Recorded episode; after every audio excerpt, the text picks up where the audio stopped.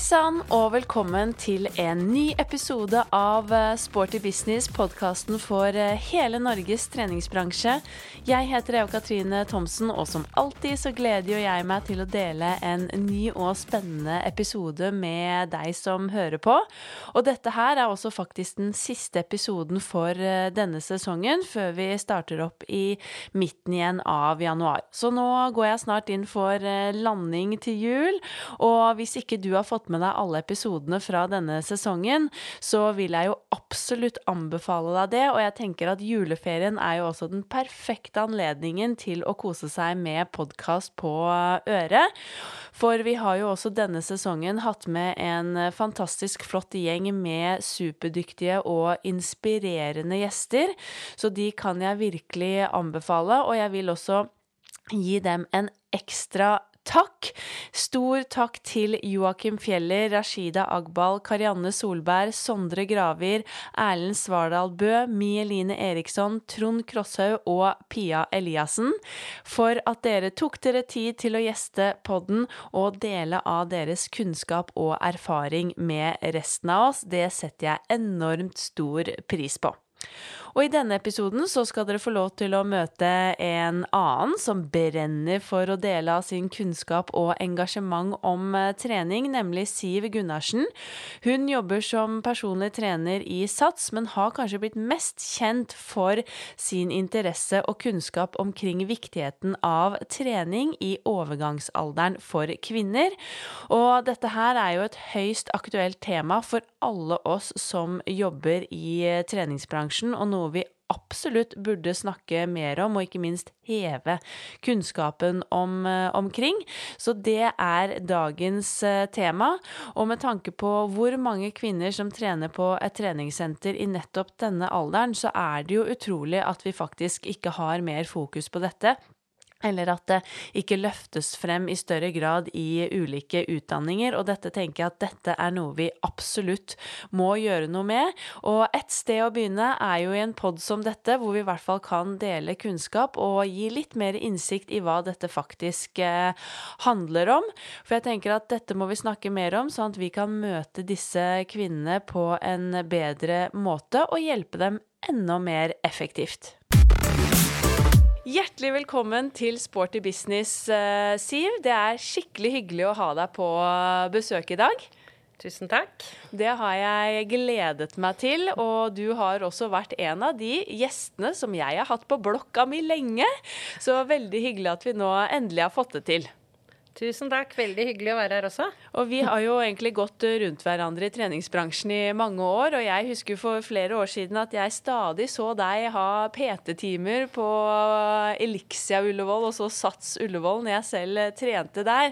Men vi fant jo ut før vi trykket på record i dag at vi har faktisk ikke hilst ordentlig på hverandre. Nei. Men jeg føler jo at jeg kjenner deg litt, både gjennom sosiale medier, men også da treningsbransjen.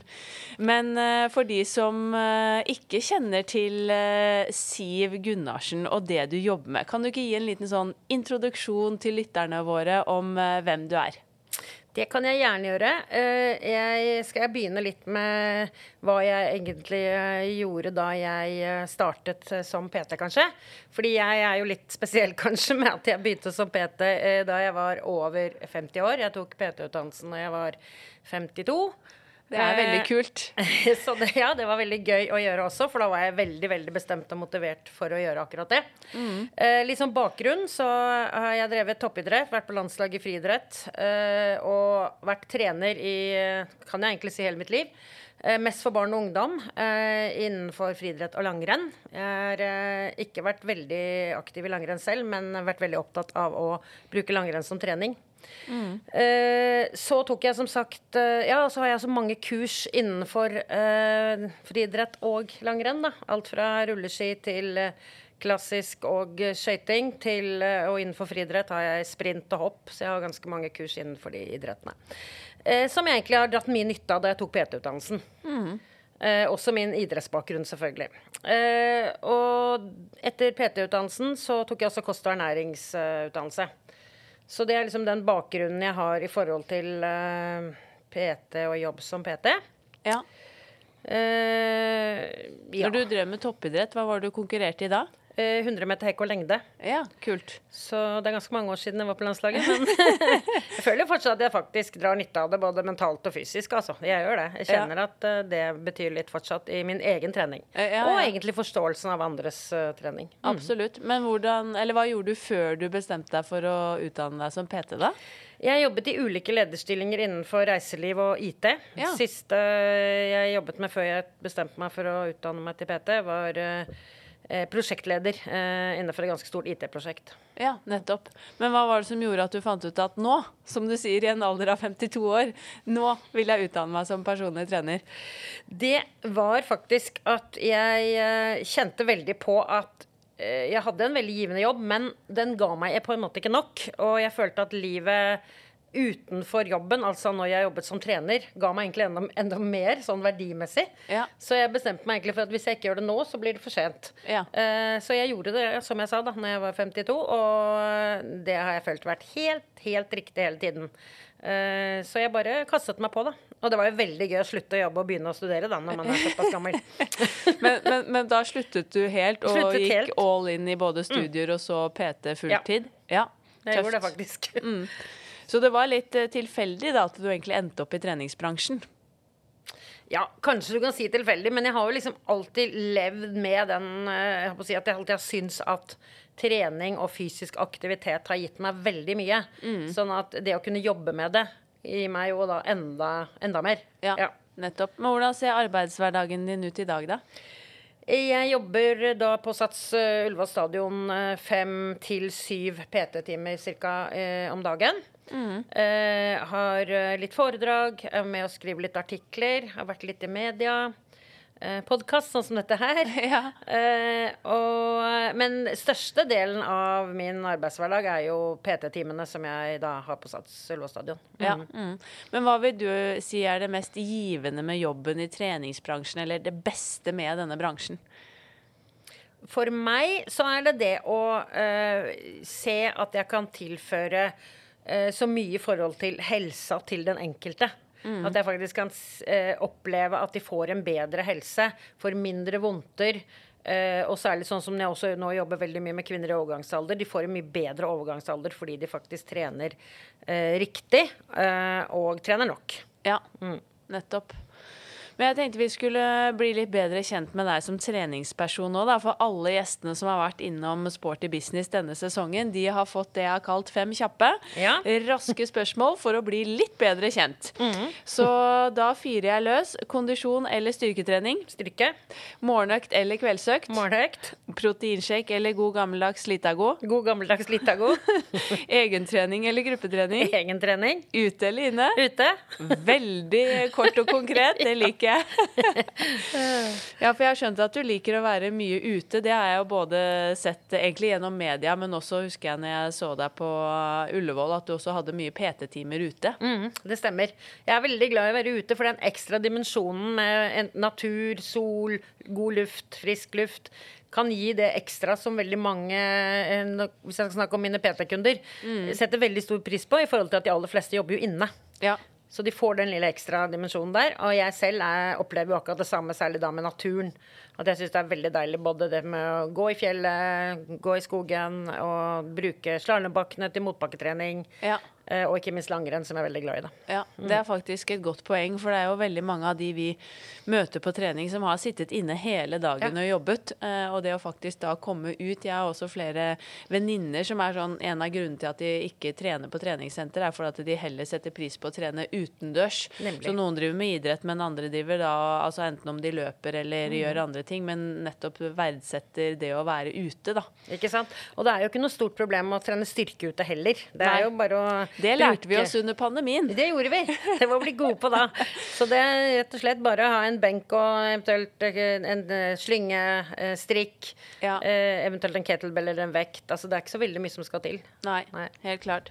Du nevnte det jo så vidt, dette med at du jobber en del med trening i overgangsalder for kvinner, og det er jo det som er litt tema for denne podkasten. For det er jo noe du har spesialisert deg for, og virkelig løftet frem denne tematikken, både i da egne dine sosiale kanaler, men også i andre medier, som f.eks. VG, har jeg jo sett deg titt og ofte. Eh, men hvordan oppsto egentlig interessen omkring dette med overgangsalder og trening i overgangsalder? Mm. Det falt seg egentlig ganske naturlig, fordi at jeg kom faktisk i overgangsalderen da jeg tok PT-studiet. Ja. Så det ble veldig sånn naturlig. Eh, jeg må innrømme at jeg var ekstremt dårlig eh, informert eller kunne veldig lite om overgangsalder selv, som veldig mange kan idet de kommer i overgangsalder. Eh, så jeg ble litt sånn overrasket over hvordan kroppen min hadde endret seg, og hvor lite jeg responderte på trening i forhold til før jeg kom i overgangsalder. Ja. Derfor så begynte jeg å fordype meg i det. Og eh, kanskje ikke like mye under selve PT-utdannelsen, men mer og mer da jeg begynte å jobbe som PT. Mm. Eh, sånn at det ble en veldig naturlig eh, greie for meg, da, i og med at jeg som sagt kom i den alderen selv, da jeg ble mer, enda mer interessert i trening. Da. Ja, ja, mm. nettopp. Men har du tatt noe kurs eller utdanning innen dette temaet, eller fins det noe der i det hele tatt? Eh, det er dessverre en veldig lite eh, både kurs og utdanning, eh, og ikke noe i Norge. Nei. Så jeg har tatt et i Sverige. Og, Med Monica Bjørn? Ja, Monica Bjørn. Helt riktig. Og hun har jo veldig bra kurs på ulike nivåer. Ja. Uh, og så har jeg lest det som omtrent er av bøker på norsk, svensk, dansk og en god del britisk. Mm. Som er da gitt ut blant annet De svenske er jo gitt ut av Monica Bjørn. Hun har gitt ut tre bøker. Ja. Uh, ja, hun er, er jo også en av de få som egentlig har begynt å løfte frem dette temaet, og da i Sverige. Absolutt. Mm. Ja, og hun, hun, gjør i grunnen bare det. Hun jobber faktisk bare med, med overgangsalder mm. og trening. Uh, og så følger jeg mange dyktige eh, internasjonale og norske eh, gynekologer. Slik at jeg hele tiden føler meg oppdatert på siste forskning. Ja. Det syns jeg er veldig viktig, fordi det skjer faktisk ganske mye. Det er selvfølgelig altfor lite forskning på kvinnehelse, og spesielt på overgangsalder. Men eh, det som er, i hvert fall forsøker jeg å følge så godt jeg kan med på. Slik mm. at jeg kan eh, være oppdatert overfor de eh, kundene mine. Da. Ja. Mm. Kjempebra. Men uh, jeg tenkte for mange så er det jo nettopp uh, dette med å egentlig forstå hva overgangsalder er, ja. som kanskje er litt uh, utfordrende. Og nettopp det at vi snakker altfor lite om det. Ja. Og som du nevnte selv, du oppdaget hvor lite du kunne om det selv. Og det Eh, reflekterte jeg også over når jeg eh, forberedte denne podkasten, at jeg har jo egentlig ikke peiling, jeg heller. og så mange kvinner vi trener i denne bransjen som nettopp er i, eller som du eh, Eller altså rett før eller i overgangsalder, så er det jo utrolig at dette her egentlig ikke er belyst i større grad. Det er det. Så jeg tenker la oss begynne med det. definisjonen av overgangsalder, eller hva er det det egentlig er? Ja. Eh, det er jo slik at man bruker mange ulike uttrykk. Da. Så overgangsalder blir mer en sånn samlebetegnelse, vil jeg si, eh, i forhold til dette med peri, perimenopause. Peri, altså det er jo før overgangsalder, for å si det sånn. Ja. Og så har du det som heter menopause. Og så bruker man også av og til postmenopause. Så skal jeg prøve å oversette, oversette det. Ja. Eh, perimenopause, det er altså før man har kommet i den egentlige overgangsalderen, men eggstokken har, har eh, begynt å produsere mindre og mindre østrogen og progesteron, de kvinnelige kjønnshormonene. Ja. Ja. Eh, men, og da starter egentlig den uh, ja, prosessen med kanskje litt uregelmessig mens. Man begynner kanskje å kjenne på at kroppen forandrer seg, men forstår ikke helt hva har skjedd. For det er ikke så konkrete ting som skjer, kanskje. Men jo, menstruasjonen kan kanskje hoppe over en gang. Eh, komme tilbake og være litt normal, hoppe over en eller to ganger. Og det kan egentlig være da tegn på at du er i denne perimenopausen. Ja. Menopause er når du ikke har hatt menstruasjon på et år. Ja. Da er du i det man kaller overgangsalder på norsk. Da. Eh, ja, ja. ja, for jeg opplever jo at overgangsalder, og i hvert fall det ordet menopause, det blandes litt, eller brukes litt om hverandre. Det gjør det. Så, så, og jeg vil jo si at i Norge, og det norske ordet overgangsalder er kanskje litt mer sånn samlebegrep. Man, nå er det jo overgangsalder, men du kan hende du like godt er i perimenopause, altså at du fortsatt har litt menstruasjon. Da er du egentlig ikke i menopause. Da er du i denne perimenopause. Så eh, når du ikke har hatt menstruasjon på et år, da er du, da er du virkelig i, i menopause. Og da, da, har man jo eh, ofte disse ulike plagene som mange får. Mm. Men det er også en stor variasjon fordi uh, der er det sånn at uh, en tredjedel har ganske få plager og kanskje ikke helt forstår at man er i overgangsalder, annet enn at man selvfølgelig har mistet menstruasjonen, men det er ikke så mye annet, liksom. Og så har du da to tredjedeler som har ulike plager, mer eller mindre. Ja, Ja. nettopp. Eh, jeg vet ikke, skal jeg fortelle noe litt Du må gjerne bare gå videre. Altså, jeg eh, lurer jo Eller tenker at det her må vi bare få ut så mye informasjon som mulig Ja. til lytterne våre. Så det er jo spesielt det jeg tenker også. Altså, ja, hva skjer egentlig i kroppen til kvinner under overgangsalder? Altså, hva er da de vanlige symptomene? Mm.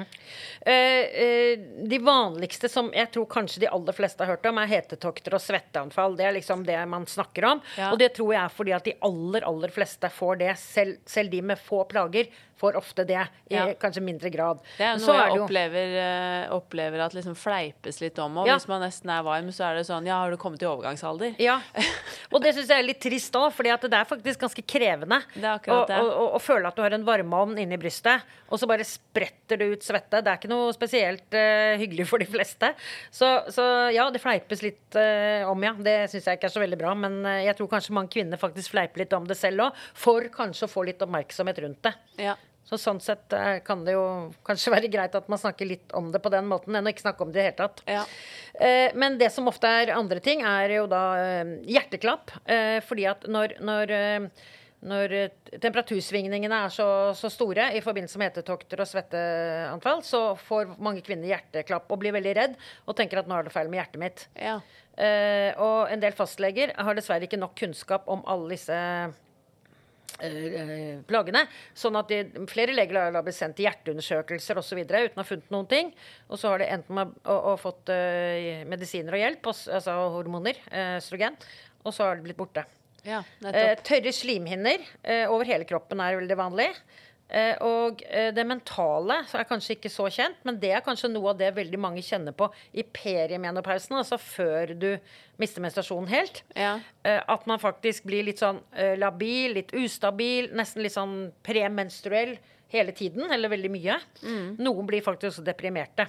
ja. Eh, men de aller fleste har jo da den der overgangen mellom å være litt ustabil på en måte, og, og, og litt nedstemt er det også ganske mange som blir. Mm. det er ikke så veldig kjent. Eh, noe som er enda mindre kjent, som kanskje er veldig viktig for oss i bransjen, det er muskel- og skjelettplager. ja. Eh, fordi østrogen eh, er et antiinflamatorisk eh, hormon. Eh, og når man får for lite av østrogen, som man jo da får når eggstokkene produserer mindre og mindre, så kommer ofte smerter i ja, ledd som skuldre, hofter og knær. Uh, og uh, veldig ofte så er det mange behandlere da som uh, forsøker seg på alle mulige metoder som ikke fungerer. Og så er, ofte, det- er jo ofte da årsaken for lavt østrogeninnhold. Ja. Og da trenger man faktisk annen type hjelp, Nettopp. som en type hormonterapi. Ja. Eh, så det er liksom de største er, Jeg kan nevne, jeg tror det er eh, nevnt opp nærmere 50 ulike plager man kan få i overgangsalder, og det er kanskje litt drøyt å nevne. Men disse her tror jeg kanskje er de uh, mest gjenkjennende og kanskje viktige for oss i bransjen. ja. Ja. Når du nevnte det at det er noen som sliter mer enn andre, Ja. er det da typisk disse symptomene som de sliter med, eller som blir ekstra ille for den gruppen? Eller er det da ofte andre ting også? Det er nok disse som blir eh, som ofte er Eller som er gjenkjennende, ja, som er de verste. Men Ja. så er det jo også andre eh, i tillegg, kanskje. Ja. Eh, sånn at dette med, med det mentale kan jo variere på mange ulike måter. Så det, det kan For mange som sliter, eh, og som ikke forstår at det er det, Ja. være et stort problem. Ja. Mm, nettopp. Og, og igjen, som jeg sa, dette med hjertet, så er det skjer jo også det ofte at man faktisk får feil behandling hos eh, legen, at man faktisk får antidepressiva. Og så er det faktisk østrogen man har behov for. Ja, nettopp. Men sånn med tanke på alder, da. Hva, når er det mest vanlig å gå inn i um, overgangsalder?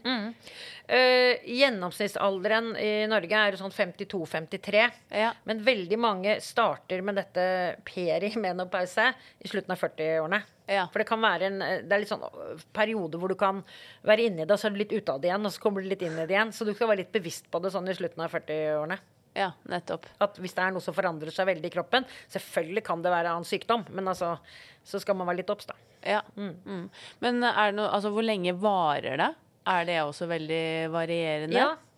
Eh, det som man har snakket om før, er at overgangsalderen går over etter x antall år. har man snakket om tidligere. Ja. Men nå er det jo slik at man innser at østrogenet, det synker jo bare. Det vil jo aldri ta seg opp igjen. Nei. Så man er egentlig alltid i en slags overgangsalder eh, livet ut. Ja. Eh, så er det veldig variabelt hvor mye plager man har. ikke sant? Sånn at noen vil klare seg eh, helt fint. Kanskje de som har minst plager da akkurat i den selve menopausen, vil klare seg veldig fint uh, uten å kjenne så større plager resten av livet. Men så har du de som har de veldig store plagene, Ja. og som da ofte kanskje kan, kan ha fått hjelp av en gynekolog med hormonterapi, uh, og prøver å slutte etter kanskje noen år, eh, ti år, åtte år, ti år, så kommer plagene tilbake igjen. Det betyr jo bare at man faktisk kanskje vil være i overgangsalderen. Noen vil være det resten av livet. Ja, Så det er veldig variabelt, da. Og du eh, snakker jo mye om da trening, og Ja. hvor viktig det er nettopp i denne perioden. Og vi vet jo alle eh, hvor mange positive effekter trening har, både fysisk og mentalt. Men likevel, hvorfor er eh, trening så viktig i overgangsalderen? Eh, Det er jo slik at, eh, som du sier, det er viktig for alle. Eh, Og muskelmassen og styrken synker jo med 10-15% hvert tiår fra du er 40 år. Mm. Når det kommer i overgangsalderen, så er det dessverre slik at den synker enda raskere. Ja. Ja. Eh, og derfor så er det jo veldig viktig sånn helse- og livsstilsmessig at man faktisk er sterk nok til å kunne gjøre de normale hverdagslige og kanskje andre morsomme aktiviteter. Så det å trene styrke sånn sett, men det gjelder jo faktisk også alle andre. Men eh, som sagt så går det raskere i forhold til eh, at man reduserer muskelmassen og styrken for kvinner i overgangsalder. Ja. Så er det slik at man forebygger eh, for beinskjørhet, osteoporose. Og når man har mindre eh, østrogennivå, eller lavere østrogennivå i kroppen, så er det jo en av de tingene som gjør at man faktisk kan få beinskjørhet eller osteoporose. Så det å trene styrke er en av de få tingene, bortsett fra medisinering, som gjør at man kan forebygge for osteoporose. Så Det er viktig. Eh, og så er det jo andre det mentale igjen, da. Når du trener, så blir man jo litt mer glad, vet du. Vi må få, man frigjør jo, man frigjør jo eh, lykkehormon. Ja. Og, og det er jo kjempeviktig i denne fasen her av livet. Ja. Eh, og så er det jo da dette her med vondter. Veldig mange får mye mindre vondter hvis man trener riktig styrketrening. ja. Så det er også veldig viktig i denne fasen her av livet. da. Jeg var jo, snakket jo akkurat om dette med, med vondter i muskler og ledd, skjelett. Eh, og hvis man da trener eh, riktig, så vil man eh, kunne få mindre vondt. Men det er jo alltid en balanse mellom hvor mye man trener, og hvor mye hensyn man skal ta. Og da er det jo, må jeg anbefale å gå til en dyktig PT, da. Ja, Ja. absolutt. Ja, og så tenker jeg Det er jo ofte lett at man kanskje dropper ut av trening når man begynner å få mye plager eller vondter, eller som du sier, alt, alt fra å bli nedstemt til at du kanskje blir eh, ja, også de, eh, litt lei deg fordi kroppen ikke fungerer sånn som du ønsker at den skal gjøre. Akkurat. Eller som du nevnte, at du ikke får den effekten av treningen. Da, at Mm. det også kan være litt lett da å kanskje falle ut. Det er, akkurat, det er helt riktig. Så det er akkurat det der med å eh, på en måte få den motivasjonen til å forstå hvor viktig det faktisk er. Og liksom kjempe seg kanskje litt gjennom den perioden da, ved å trene. Men kanskje kan man trene på en litt annen måte enn man har trent før. Ja. En annen ting jeg uh, syns er viktig å si, er at uh, styrketrening trigger også østrogen- og testosteronnivået. Eh, slik at uh, det kan også bidra til en mye bedre overgangsalder med at du faktisk får en, et høyere nivå igjen da, av østrogen. Det vil jo ikke fyke opp i den tiden, pubertettiden, eller ung voksen, men det, det, det vil kunne øke. Ja, Mm. nettopp. Og det, det betyr jo også at man kan få, få det bedre. Og en eh, svensk eh, undersøkelse fra noen år tilbake har jo da også vist at eh, to til tre styrketreningsøkter i uken kan, kan halvere antall hetetokter. Ja, nettopp. Så det er også viktig mm, å Ja. ha med seg. Du har jo nevnt nå styrketrening, så jeg tenker at det er jo absolutt viktig å fokusere på. Men sånn generelt, hva slags trening tenker du er viktig i overgangsalderen? Kan man gjøre alt, eller er det, bør man bare fokusere på styrke, eller ja. Nå er det jo veldig individuelt, egentlig, slik at uh, de som uh, Hva skal jeg si De som har trent eh, før, eller trent bra og mye før, kan ofte kjenne en større forskjell enn de som ikke har det. Fordi at de kjenner kanskje at de sover dårligere, de har mindre energi.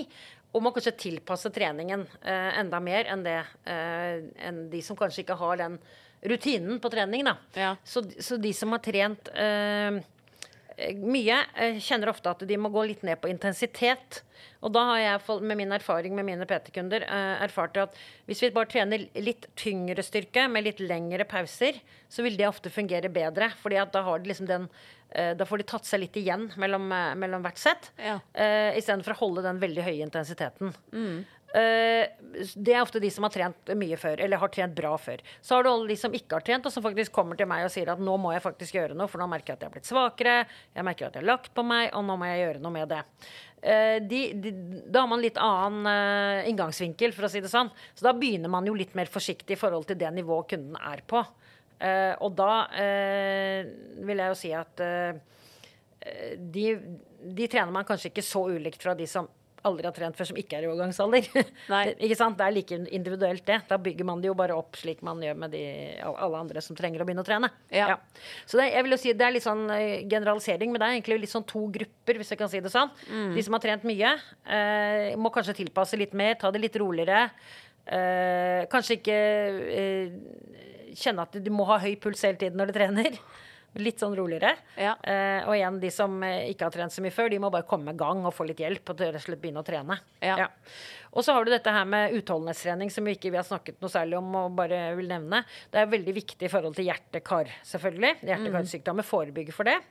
Fordi at det viser seg at kvinner i overgangsalder har en, har en veldig stor uh, risiko for å få hjerte-karsykdom. Fordi at når østrogenet synker, så er det faktisk økende risiko for å få hjerte-karsykdom. Ja. Så, men vi vet jo også at styrketrening er bra for hjertekar. Så det, men, men av utholdenhetstrening så er det slik at de kanskje 60% som er mer slitne av overgangsalder, de må ikke nødvendigvis løpe tøffe intervaller på mølle. Nei. De kan jo gå raske turer i skogen. De kan jo gjøre, gjøre aktiviteter som gjør at de kjenner at pulsen øker uten at de blir helt utslitte. Ja. Ja. Mm, Og, slutt, og slutter å trene. ja, ja.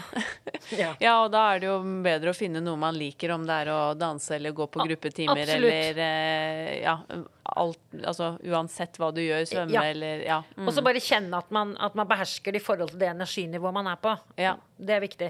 Og det kan variere veldig fra dag til dag også. Sånn i forhold til selvfølgelig både søvn og hormonnivå. ja. Ja. Absolutt. Men eh, ja takk, begge deler. Ja. Både kondisjon og styrketrening, men eh, med særlig fokus på styrketrening, vil jeg jo si. For Ja. den, det er jo kanskje der Altså, noen elsker jo styrketrening, men for mange så er det kanskje litt sånn ekstra terskel å komme i Ja. gang med det hvis man ikke har gjort det tidligere Ja. eller eh, er kjent med det, da. Absolutt. Og det erfarer jeg jo ukentlig i min jobb. Eh, hvor det kommer kvinner i overgangsalder som egentlig syns det er kjempekjedelig å trene styrke. Ja. Mm. Og de er ærlige på det. Det er fint. De sier at det, jeg syns det er så kjedelig, jeg vet ikke hvordan jeg skal orke å gjøre det. Men når de, når de begynner å trene eh, med meg eller andre PT-er, så har jo vi en litt annen innfallsvinkel på styrketrening som regel. Ja. Så vi kan jo gjøre det litt morsommere. Det må, ikke, må jo ikke være x antall maskiner man gjør hver gang. Vi kan gjøre veldig mye annet som er morsom styrketrening. Eh, og der erfarer jeg at eh, faktisk mange kommer tilbake og sier at Oi, nå har du fått meg til at, jeg, til at jeg syns det er gøy å trene styrke. Ja. Altså det, det jo en stor tilfredsstillelse for meg òg, da. Absolutt, det er jo fantastisk. Ja. Men det er jo absolutt veldig viktig og som du sier, å kunne da gjøre det gøy og interessant. Ja. For ellers så er det jo tyngre å gjøre. Det vet vi jo sånn rent motivasjonsmessig òg. Men jeg tenker for mange så er det jo litt som du sier, det å faktisk bare stå i det og komme seg gjennom det og tenke at man kan gjøre det rett og slett som en liten jobb for sin egen kropp og egen eh, helse. Og så kanskje ikke treningen er kjempegøy, Nei.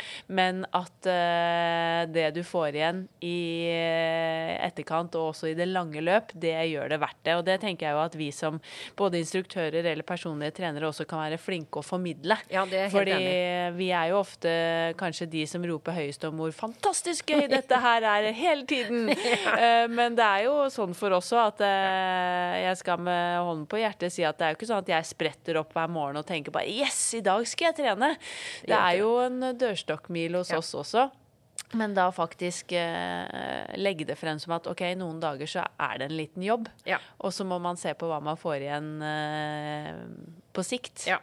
Ja, ja, helt klart. Eh, og det er jo, vi snakker om voksne mennesker her nå i forhold til dette fokus på helse. Ja. Så jeg tenker at det er veldig viktig at man, eh, ja, man må legge ned en liten jobb for å få en bedre helse. Mm. Eller for å, for å holde helsa god, rett og slett. Ja. Ja. Og da er det jo, er det jo eh, også andre ting som er veldig viktig i forhold til akkurat det vi snakker om helse og livsstil. da. Eh, det, jeg vet ikke om vi skal komme inn på det, men jeg tenker at dette med søvn og hvile i overgangsalder er Ja. noe vi bør være mye flinkere til å prioritere. Nettopp. Eh, nettopp fordi at det er, det er faktisk en belastning for kroppen å komme i overgangsalder. Det, Ja. er, ja, det er en stressende situasjon eh, for kroppen.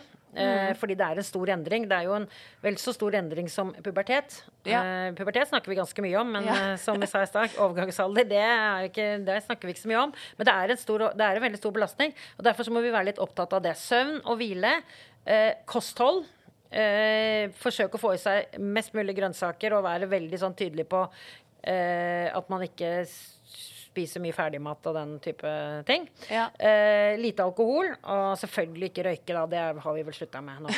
Ja. Men at, at, Det at livsstilen livsstilen generelt utenfor trening også er veldig viktig i overgangsalder. Jeg har bare lyst til å understreke, da. Ja.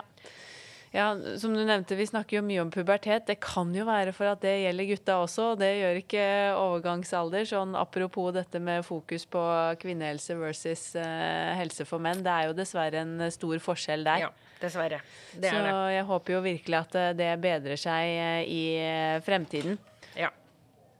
Men har du andre råd eller tips til kvinner som har utfordring med overgangsalder, eller som kjenner at de ikke har fremgang på trening?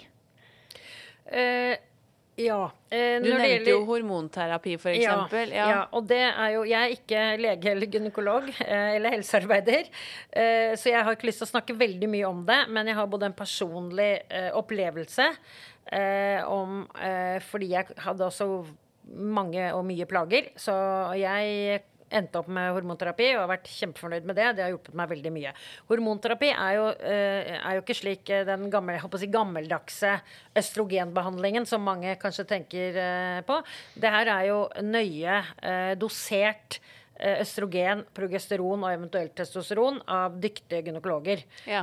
Slik at man får mye større helseeffekter av det enn man får bivirkninger. Skjønner. Det er viktig. Det forebygger for mange livsstilssykdommer. Fordi det er ikke sunt å ha et veldig lavt østrogennivå. Nei. Rett og slett. Det kan man jo lure litt på av hvorfor vi er skapt slik. Eh, og det har jeg lurt ganske mye på. Ja. Men jeg tenker kanskje det at vi ikke egentlig skulle leve etter vi var 50, eller om det kunne være noe sånt. jeg syns i hvert fall det er veldig rart at vi faktisk skal ha det slik. Ja. Men, men da fins det hormonterapi, eh, og er det slik at man faktisk forsøker både å trene, ha en sunn livsstil, man gjør faktisk mange tiltak selv, eh, men, men man har fortsatt masse plager, og det går utover livskvaliteten. Så absolutt oppsøk en dyktig kvinnelig Eller en gynekolog, ikke nødvendigvis en kvinnelig. Men det er faktisk ofte de kvinnelige som er best oppdatert på overgangsalder, har jeg erfart. Ja. Ja. Mm. Men er det sånn at man kan få hormonterapi også? Og, altså, hvor lett er det å få det? på en måte? Kan man få det bare hvis man kjenner at åh, jeg responderer ikke på trening? Ja. Det er ikke sånn at du har masse plager, men du har bare lyst til å ha mer overskudd eller få den gode responsen på trening osv. Nei, du, altså du, du får, som, når du ikke får den responsen på trening, så er det jo ofte pga. at du har plager. Ja, så da sant? er det ofte andre Ja, ting i tillegg. Ja. Så du får, eh, du får eh, hormonterapi eh, på symptomer, eh, og ikke nødvendigvis noen blodprøver. Nei. Nei, fordi det er også slik at hormonnivåene kan endre seg fra dag til dag. Slik at du kan, den dagen du tar blodprøve, kan hende du har et høyere østrogennivå enn det du kanskje har ellers. Slik at det er symptomer du får det på. Nettopp. Eh, og eh, ellers eh, disse disse livs, eh, livsstilstipsene holdt jeg på å si, som jeg sa i stad, de bør man jo absolutt, selvfølgelig absolutt fortsette med selv om man får hormonterapi. Det Ja. er jo viktig. Ja. Så eh, ja, eh, har du store plager, syns du livet er litt slitsomt og tungt og vanskelig fordi du ikke sover om natten, du har det egentlig ikke så veldig bra, ta kontakt med en dyktig gynekolog. Ja. Det må jeg bare si. Og gjerne les deg litt opp på forhånd også. Det fins jo ulike bra bøker eh, som, eh, som man absolutt kan, kan lese. Så man har liksom litt bedre grunnlag når man kanskje går til gynekologen også, da. Ja. Har du noen tips der til bøker? He, ja, eh, 'Hetetokter og kalde fakta' er en veldig bra bok som Helena Enger, gynekolog, har skrevet. Den er veldig sånn eh, faktabasert. Ja. Eh, og hva skal jeg si? eh, Lettlest, veldig sånn forstå, lett å forstå eh, på alle mulige måter. Du leser gjennom den ganske kjapt, men du får samtidig veldig mye informasjon. Ja. Mm. 'Hetetokter og kalde fakta'. Ja.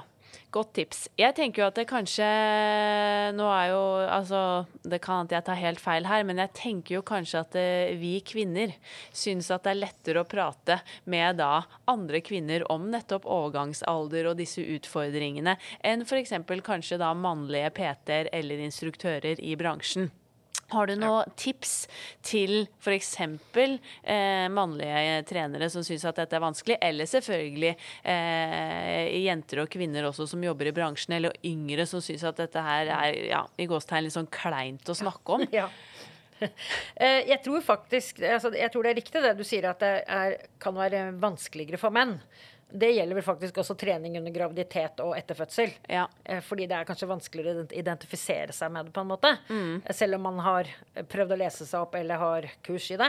Eh, men det er også mange kvinner, og kanskje yngre, som du sier, yngre kvinner som kanskje ikke er der ennå at de tenker overgangsalder i det hele tatt. Ja.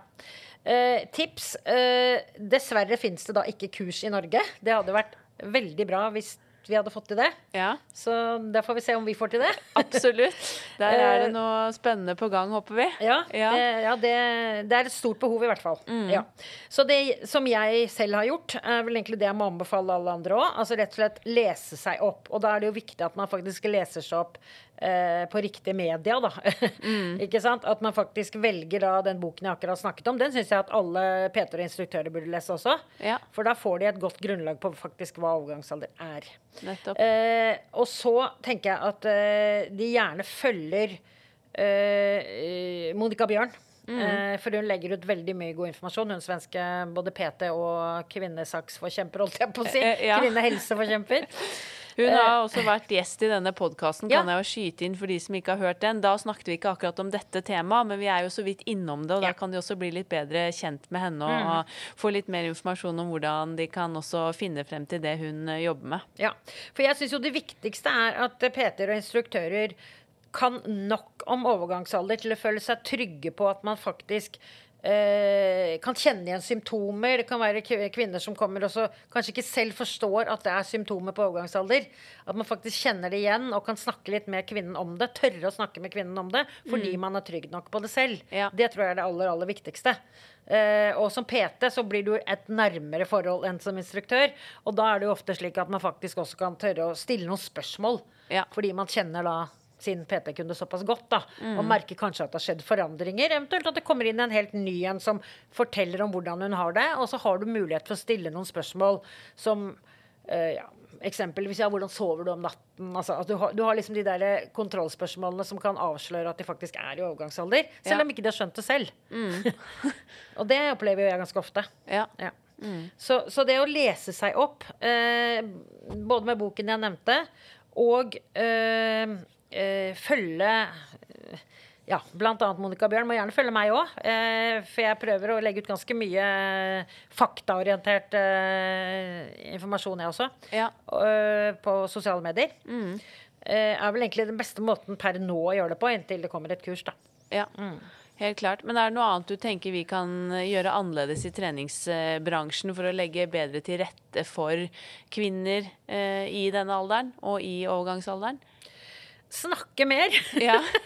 Snakke mer om det. Spre kunnskap eh, på alle mulige flater og medier. Eh, snakke med hverandre. Eh, slik man har gjort mye mer rundt graviditet og barsel. Jeg sier ikke at man Vi har ikke nok eh, verken eh, informasjon eller kommunikasjon rundt kvinnehelse generelt. Men vi har i hvert fall kommet mye lenger på graviditet og barsel enn overgangsalder. Helt klart. Ja. Og vi burde jo egentlig ha kommet vel så langt på overgangsalder i forhold til at vi faktisk trener kvinner.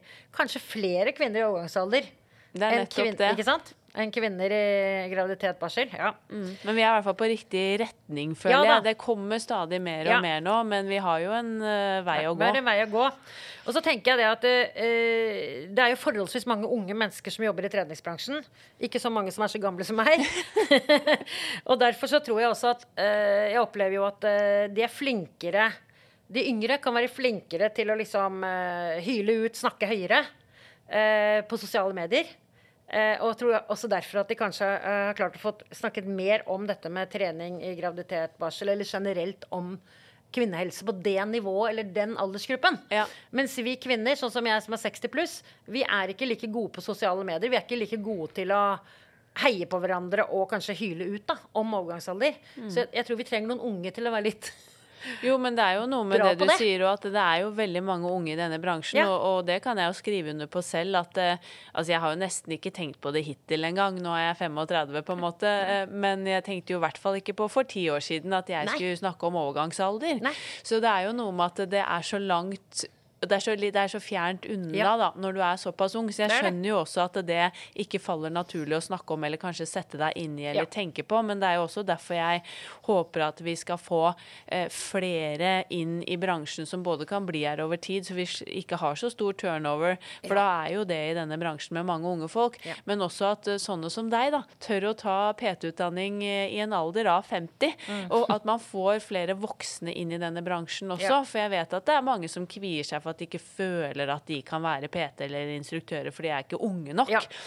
Men vi trenger jo nettopp alle aldersgrupper, både for at folk skal ha noen å identifisere seg med, men også for at vi kan, som du sier, da, snakke høyere om disse temaene, formidle det, og at alle kan finne en trener som de føler at å ja, men denne personen kan jeg identifisere meg med.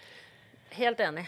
Ja, ab absolutt. Så det, men, men derfor så er det så viktig at uh, selv om vi da ikke får eh, jeg holdt på å si de unge, de unge de, Det tar litt tid før de, de unge blir eldre. Så Ja. jeg tenker at det er viktig at, det, at vi får de unge til også å bli mer interessert i denne delen av livet. Og jeg forstår at det ikke er naturlig at man tenker så mye på seg selv i forhold til det, for det er minst kanskje 20 år til man er der. Ja. Men at man faktisk tenker hvor viktig det er at man har kunnskap om det i forhold til de man trener. Ja. Det, det, jeg, det er jo det som jeg syns er viktig. Ja. Og jeg husker jo det når jeg tok min PT-utdanning, det var vel i 2013 eller noe sånt. Og da hadde vi jo litt om trening for under og etter graviditet, ikke Ja. sant. Så da tenkte jeg at ok, men nå vet jeg i hvert fall litt hva jeg skal si Ja. i forhold til det, eller hva jeg skal tenke på. Men jeg hørte jo ingenting om overgangsalder. Nei.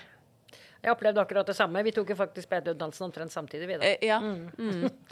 Nei, det var in ingenting om overgangsalder i det hele tatt. Nei. Eh, og det er, jo, det er jo ganske skremmende når vi, som jeg sa i stad, vet at en veldig veldig stor andel av våre kunder i treningsbransjen er i overgangsalder eller rett før. Ja. Ja.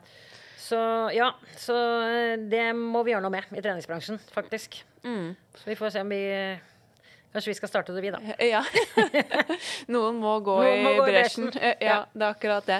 Men hvordan syns du treningsbransjen generelt fremstår som en folkehelseaktør og en arena for alle, da? Syns du vi mestrer den jobben bra i dag? Jeg syns i alle fall at vi mestrer den mye bedre nå enn for ti år siden da jeg startet. Ja. Hvor det var mer fokus på sixpack og rumpe. Sprettrumpe, selvfølgelig. Eh, Ja.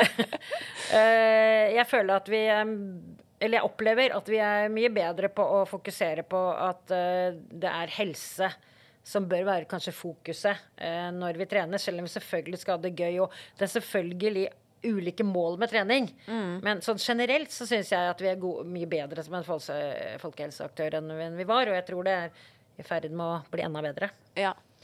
Jeg ser det både på de store aktørene og på de, på de litt mindre. Da, så er det Markedsføringen går jo også veldig mye mer på det. ja.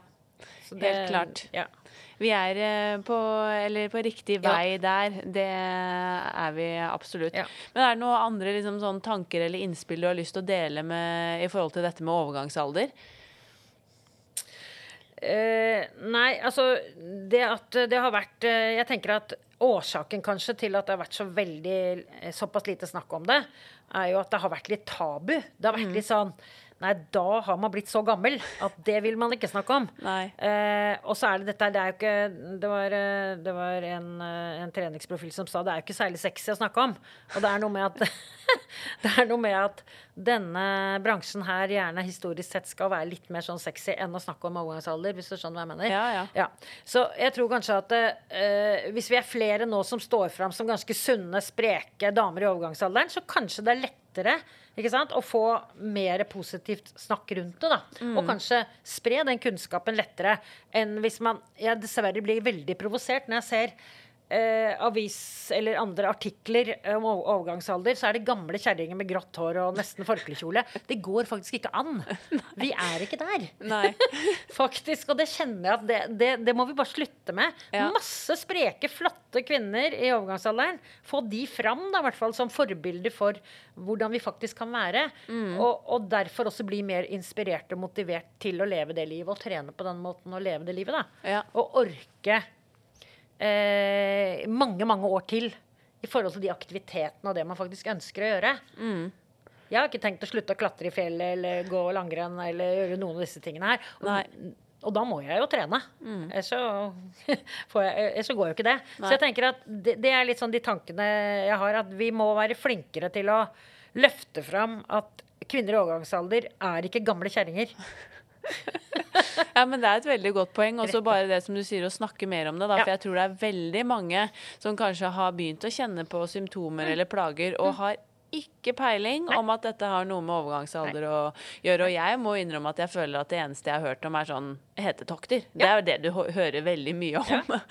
Men så er det jo så veldig mye mer enn det. Ja, det er akkurat det. Og det ja, så det, derfor må vi være Vi må være gode på å spre det her. Og, og, og prøve å få bort det tabugreiene med at uh, det er ikke noe vanskelig å snakke om det her enn å snakke om graviditet eller pubertet. Nei. Det burde ikke være. Nei, absolutt ikke. Men hvis uh, lytterne har lyst til å følge deg i sosiale medier, hvor finner de deg da? Da finner de meg i hovedsak på, på Instagram. Jeg er også på Facebook, men jeg er mest aktiv på Instagram. Ja. På personlig trener Siv Gunnarsen. Herlig. Den- Ja.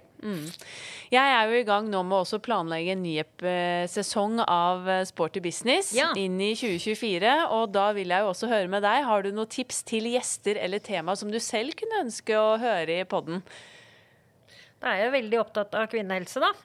ja. Så jeg vet jo at, eh, at eh, noen av de jeg kunne tenke meg å foreslå, har vært hos deg. Mm. Jeg er litt usikker på om Hedvig Bang har vært hos deg. Nei, det har hun ikke, vet Hun du. er en veldig veldig dyktig kvinne, kvinnehelseaktør, vil jeg Eh, ja. si. Mm.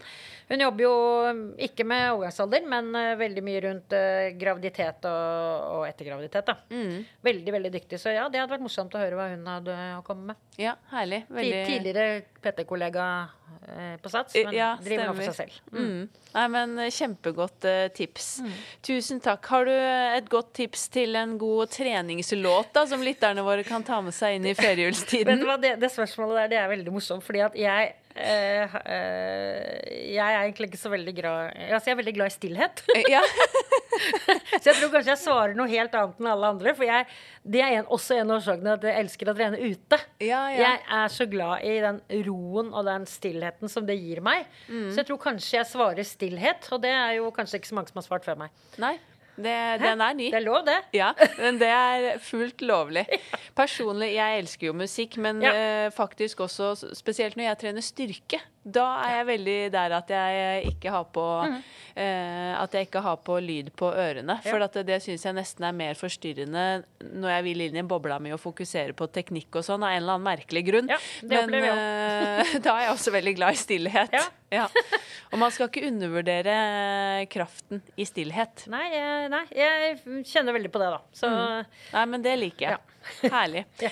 Tusen hjertelig takk for fantastisk eh, fin prat og veldig mange gode tips. Og dette her vet jeg at lytterne våre kommer til å sette stor, stor eh, pris på.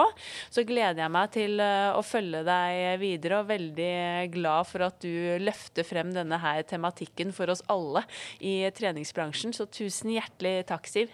Tusen, tusen takk for at jeg fikk komme. Og jeg er jo veldig glad i å dele akkurat dette temaet her. Så jeg setter stor pris på at jeg fikk være her og snakke med deg. Da var denne sesongen av Sporty business over, og jeg takker for følget gjennom hele høsten. Tusen takk for alle kommentarer, innspill og engasjement også. Jeg gleder meg allerede til eh, ny sesong med oppstart 16. januar 2024. Følg oss gjerne i sosiale medier på Instagram at Sporty Business Podcast, og bli med i gruppen vår på Facebook med samme navn, Sporty Business, og legg gjerne også igjen en rating av podkasten. Det blir jeg veldig glad for. Avslutningsvis så vil jeg også bare dele at vi i Spartum Akademi, Akademi vi lanserte en nyhet eh, i går. Vi lanserte nemlig Rock the Room by Spartum. Det er prekoreograferte gruppetimer for deg som jobber som instruktør. Så hvis du som instruktør eller som leder på et senter tenker at det hadde vært fint med noen gruppetreningsnyheter på timeplanen i eh, 2024, så kan du lese mer på rocktheroom.no, eller bare ta kontakt med oss om du har eh, spørsmål.